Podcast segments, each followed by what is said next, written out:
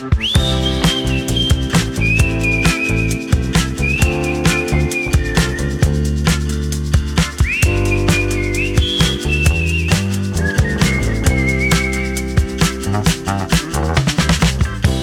Andreu! Ei, Sílvia! Com estem? Com va això? Bé, i tu? Molt bé. Sé que avui hem de parlar de moltes coses Sí. o que portes un tema del dia força interessant. Deixa'm per això que abans t'ensenyi un àudio molt bonic, molt bonic que hem rebut a través de Telegram. D'acord. És de l'Adriana, que ens explica això, mira. Hola, Isi Català. Bon dia. Em dic Adriana, soc de l'Argentina i hace sis anys arribé a Catalunya. Vine amb treballo, no necessité mai ni parlar, ni escoltar, ni escriure, mai, de català. Ara, després de la pandèmia, necessito millorar en el treball, así que este any he decidido comenzar con eh, aprender. Y dos cosas. La primera es que moltes gràcies per vuestros podcasts perquè mm, jo cada dia les escolto i milloro la meva escolta en, i també quan llegeixo. Y algo que el catalán me ha regalado es que hasta ara, en meus 52 anys, mai puc parlar en anglès, que es el otro eh, idioma que he intentado aprender. Mai.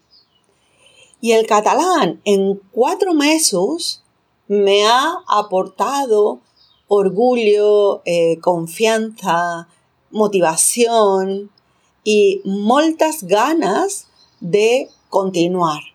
Sé que queda, en, me queda un camino per millorar, per fer, però mira, aquest moment, en esta vegada, soc capaç de gravar-les eh, este audio i moltes gràcies des del meu cor perquè sento que sí, ara puc ser políglota i així que moltes, moltes gràcies a ustedes, Easy Catalán, y moltes gràcies al catalán. Besitos, moltos petones i una abraçada molt grande. Molt bé. Escolta, m'agrada molt que hagi agafat Mhm. ja el camí i que Mhm. continuï per aquí perquè és el bo. O sigui, que, que Mhm. vagi seguint-lo. Ha començat, doncs Exacte. simplement, pas a pas, anar millorant cada dia. Molt bé. Uh -huh, exacte, i que, carai, fa quatre mesos que apren el català, hem vist que encara doncs s'escola una mica de castellà, no? però això Mhm. de mica en mica de seguida anirà millorant i molt ben fet, Adriana, de fer el pas aquest d'enviar-nos un àudio. L'important és això, posar-s'hi, treure's la vergonya de sobre, parlar-lo i endavant, que de seguida ho agafaràs. M'ha agradat molt aquesta idea que ha dit que en comparació amb, amb l'aprenentatge de l'anglès, que sempre li ha resultat difícil Mm. i no ha acabat mai d'aprendre'l, en canvi el català, doncs, suposo que per la proximitat o Clar. el que sigui, doncs li dona aquesta sensació de, de saber-se capaç ara mateix d'aprendre aquesta nova llengua, no? I que, per tant, l'ha ajudat a motivar-se més amb l'aprenentatge de llengües. Doncs jo el que volia comentar en relació amb això és que si voleu Uh -huh. continuar aprenent i voleu millorar el vostre català, aquest estiu teniu una oportunitat única i és que farem el campus d'estiu. Ja ho hem comentat algun altre dia, Correcte. però és que s'ha de tornar a dir. Vull dir, és que és Mm l'única ocasió que tindreu de venir a practicar català a l'estiu amb nosaltres. Ens passarem set dies fantàstics parlant i així podreu millorar el vostre català.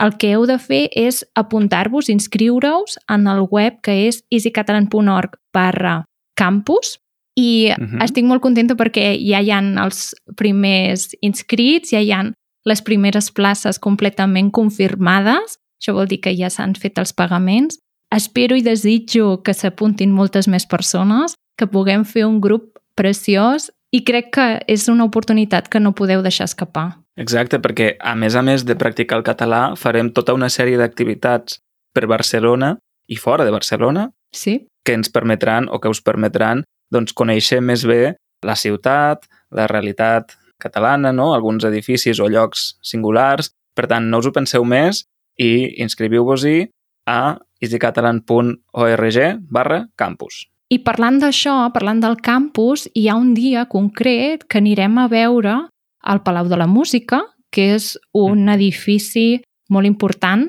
respecte no només a la música, sinó també a l'arquitectura, i un altre dia anirem a veure la Pedrera, que, com Mhm. molts sabreu, és de Gaudí i també té un, una història arquitectònica molt important a la ciutat de Barcelona. Uh -huh. I relacionat, doncs, amb aquestes obres d'art, el tema que porto avui per parlar en el podcast és sobre l'art. Tema del dia. Llavors, ja sabeu tots que l'art és un tema molt ampli, hi ha moltes disciplines artístiques diferents i no podríem englobar-ho tot en un episodi de podcast. Llavors, el que he pensat per aquest episodi és que us comentarem algunes obres d'art, siguin de Catalunya o de qualsevol lloc del món, i com que potser no tindreu a la mà el suport visual per veure com és aquella obra d'art de la qual us estem parlant, el que intentarem amb l'Andreu és descriure-us-la. Ho intentarem. Remarquem aquest verb, D'acord? que no sé si jo sóc la persona més adient, però bé, endavant. D'acord? Comencem. Uh -huh. Llavors, una de les obres d'art que m'agrada més d'aquest país nostre es troba a Penelles, que és un poble Uh -huh. de la província de Lleida, i a Penelles fan un festival de grafitis, de murals a les parets, i si vols anar a visitar el poble, doncs et trobaràs amb moltes pintures diferents a les diferents parets de la ciutat, bueno, del poble. I n'hi ha un de concret que em va agradar moltíssim, que és una paret allargada, i si la busqueu, simplement heu de posar Penelles, que és el nom del poble, i els dos artistes que han fet aquesta paret, que és Zosen i Mina. A veure, que ho busco. Ahà, L'has trobat? sí. Què hi veus, Andreu? A veure, veig una paret, eh, sí, és com un mur així de que deu fer dos, dos metres, potser una mica més, d'alçada, i doncs hi veig molts colors. I com són aquests colors? Perquè és molt important. Són colors vius, no? No són apagats. Sí, no, són colors molt vius, hi ha groc, rosa, vermell, blau fort, blau fluix, lila, una mica de taronja, hi veig molts colors, no? Molts colors diferents. Si no et sabria dir les formes a què corresponen, no? Hi ha alguna cosa que sembla potser un arbre, una palmera, però són formes força abstractes. Uh -huh. I la veritat és que és un mural molt bonic. Molt bonic. Tu quan l'has vist, que és la primera vegada que el veus, quin sentiment has sentit? O sigui, què has notat? Doncs m'ha trans, transmès com alegria, no? Exacte. Tants colors, tanta, tanta vivacitat.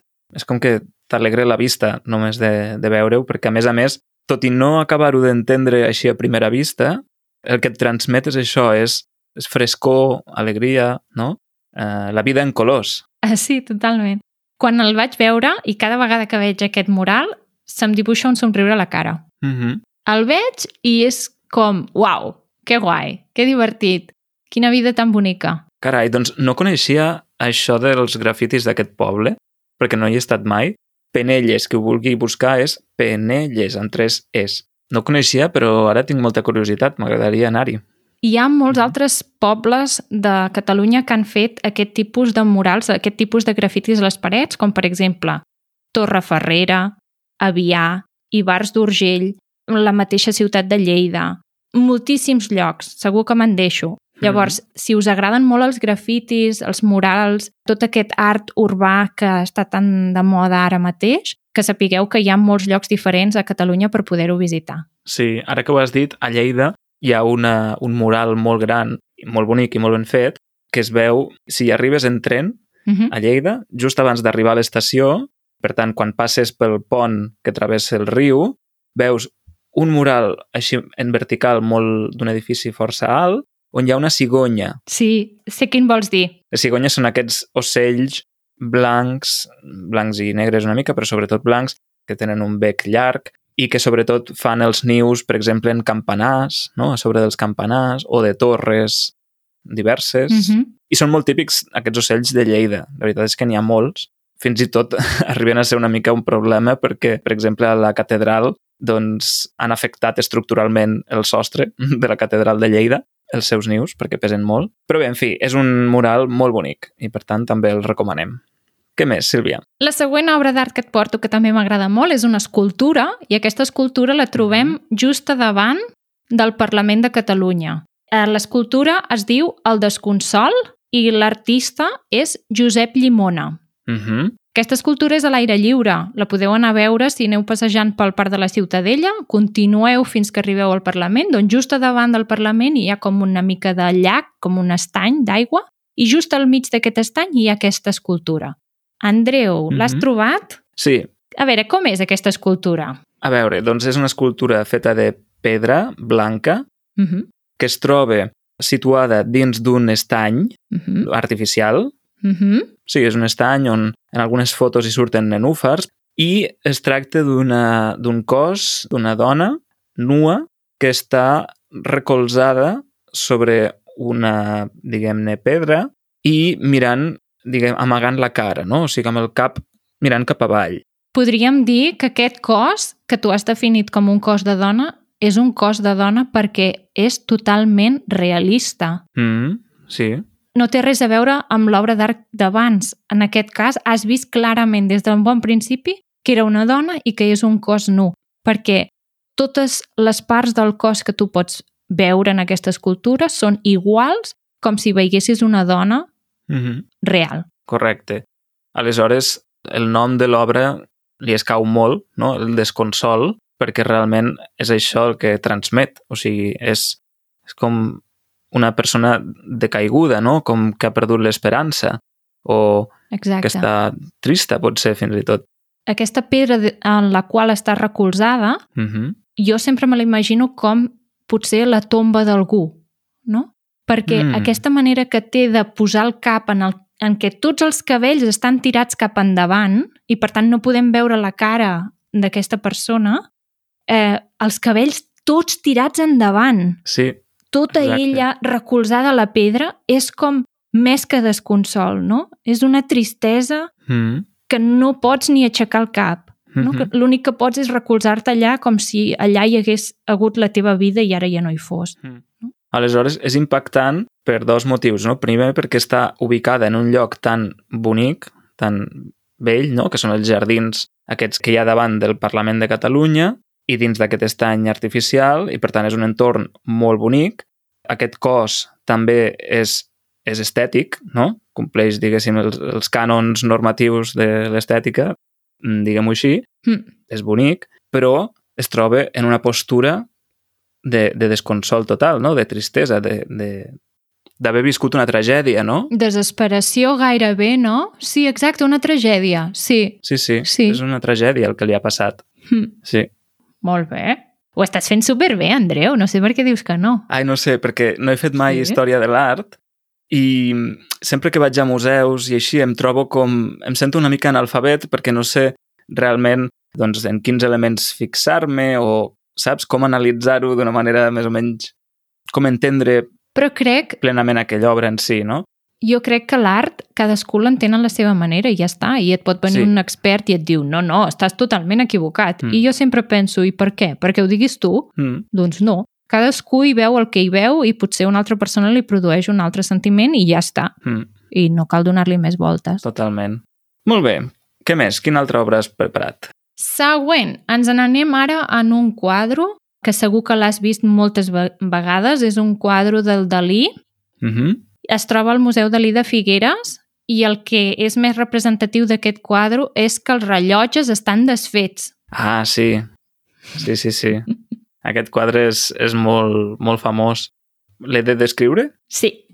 D'acord. A veure, doncs en aquest quadre hi veiem un paisatge que és una mica desèrtic, no? Veiem una esplanada, al fons una, com una muntanya, i més en primer pla hi ha també diferents elements, com ara com una mena de taula o, o pedra rectangular, un tronc d'un arbre mm, despullat i el que sembla com un animal estirat a terra. I a sobre d'aquests elements, de l'animal, de l'arbre i de la pedra, hi ha uns rellotges que semblen fets d'un material com, no sé, com si fos plàstic des desfet o si fos, no sé, plastilina, no? Alguna cosa que no és dura, mm -hmm. que, no, que no aguanten una forma de manera rígida, no?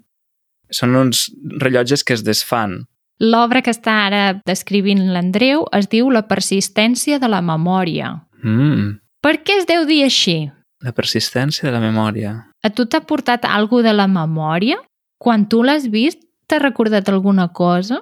Què has sentit? Mm, no he pensat en la memòria directament, però si ho he de relacionar amb la memòria, diria que, que la memòria tampoc és una cosa rígida, no? en què els, els records es mantenen sempre iguals, sinó mm -hmm. que Mhm. a mesura que els revisitem, no? que, els, que els recordem, valgui la redundància, doncs pot ser que amb el temps, amb el temps, no? doncs ja anem afegint matisos o anem modificant aquell record una mica a conveniència, encara que sigui de manera inconscient. I per tant es va alterant aquest record al Sí. llarg del temps. També hi ha tot el tema del temps, no? Com que tots són rellotges i estan desfets, doncs que el temps pot ser que no... A mi sempre em recorda que el temps potser no és tan Mm. rígid com nosaltres voldríem, no? Que de vegades 5 minuts per una persona es fan molt llargs o de vegades 5 minuts Mhm. passen molt ràpid.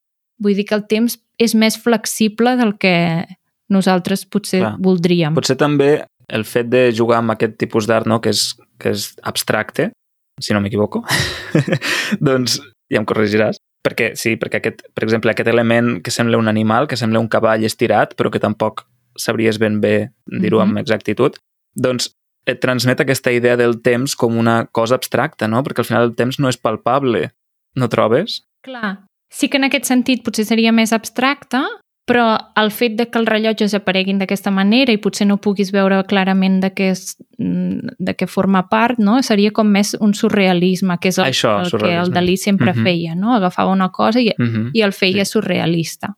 Clar, Que surrealista vol dir que no és real, no? que ho fas un- una mica com, Mhm. com ho faries dintre del teu cap. i a tu què et transmet aquest, aquest quadre? A mi no té res a veure, Mhm. però em transmet molta calma.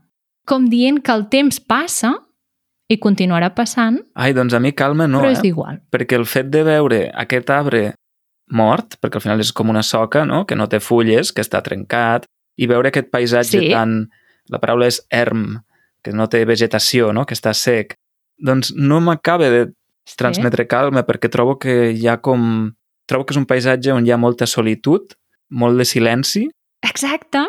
Veus? Però tu també tens el silenci, ho veus? Sí, això sí, però silenci a un nivell extrem, no? Com trobo que allà tindria potser una mica de- d'agorafòbia en el sentit de no hi ha res a fer, està, està, Ah. saps, no hi ha vida, no hi ha... Sí, no sé, no m'ac- no m'acaba de transmetre sensacions positives, especialment. D'acord? Mm -hmm. Molt bé. Bé, següent. Següent. Llavors, el que voldria ara és mirar una obra d'art, aquesta vegada relacionada amb l'arquitectura, Mm -hmm. i m'agradaria que agaféssim a l'església romànica de la Vall de Boí. Oh, Aquesta Mhm. potser la coneixes també, no? sí. Sí, sí, he fet la ruta del romànic. D'acord. doncs a la Vall de Boí trobem moltíssimes esglésies diferents, però n'hi ha una que, com si diguéssim que és la, la que tothom té en ment ara mateix, que és la de Sant Climent de Taüll. Sí, aquesta és una església d'estil romànic i el que, la, el que caracteritza més aquesta església és el campanar, no? Exacte. Què li passa en aquest campanar que no sigui igual que els altres? Doncs és un campanar que té molts, moltes finestres, Uh -huh. moltes obertures.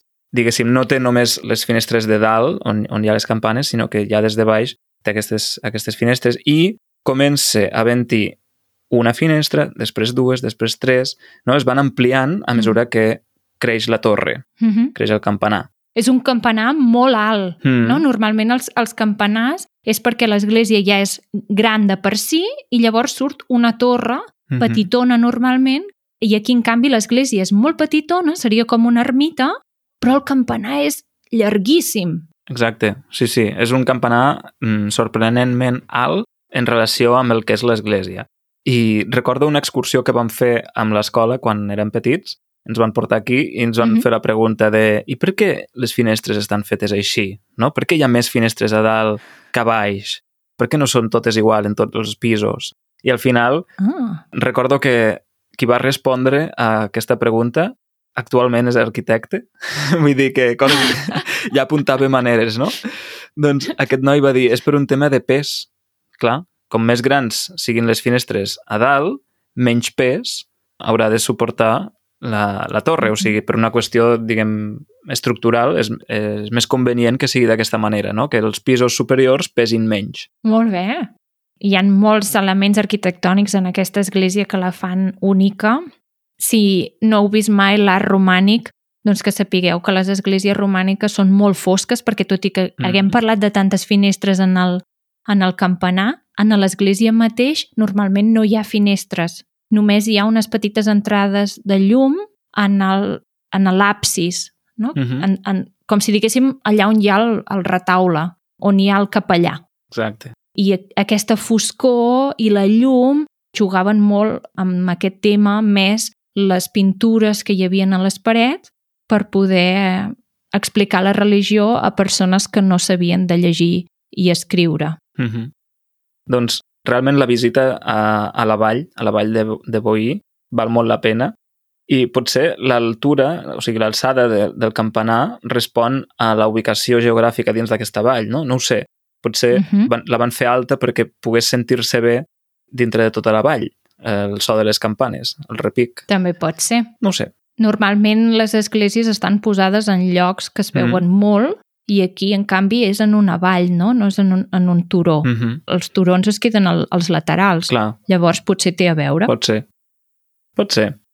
D'acord, ja n'hem vist unes quantes de Catalunya, però hi ha alguna obra d'art, sigui la que sigui, fotografia, escultura, pintura, arquitectura, qualsevol cosa que t'agradi, que l'haguis vist alguna vegada, un Mondrian, un Pollock, un Bansky, alguna cosa que diguis, uah, m'agrada molt. Doncs mira, he de dir que visitar determinats museus d'art a vegades m'ha generat una experiència més aviat negativa que positiva en el sentit que el que trobo és que hi ha molt, molts objectes artístics que no haurien de ser allà Mm -hmm. i també que el fet d'haver-n'hi tants em produeix un, un empatxament, no? Em sento empatxat de no ser capaç de- d'absorbir visualment tanta informació o de, saps, de poder-ho apreciar tot, llavors em sento com això, empatxat D'acord. però sí que vaig tenir com un moment de, de no sé com dir-ne, de d'èxtasi o no sé, en veure una escultura dintre del Louvre, Ah. que era la victòria de Samotràcia. ah, Sí, o sigui, perquè no està situada, si no m'equivoco, al peu d'una escal, d'unes escales, mm -hmm. d'acord? I jo baixava per aquelles escales, no m'havia fixat en l'escultura, però de cop vaig notar una presència allà al costat, no? I que de cop em va quedar al darrere. Llavors em vaig girar i vaig veure aquella escultura i recordo el moment de quedar-me-la mirant una bona estona i dir, uau, yeah. uau. I tinc aquest record molt marcat. Veus? Sí, sí, sí. Jo crec que hi ha algunes obres d'art que et produeixen unes sensacions que no, no tornes a trobar més, no? Que simplement mm -hmm. és aquell moment, perquè a més a més també depèn de com estiguis tu en aquell moment, no? I en aquell moment, quan la veus, mm -hmm. et produeix unes sensacions completament diferents. Mm -hmm. Molt bé.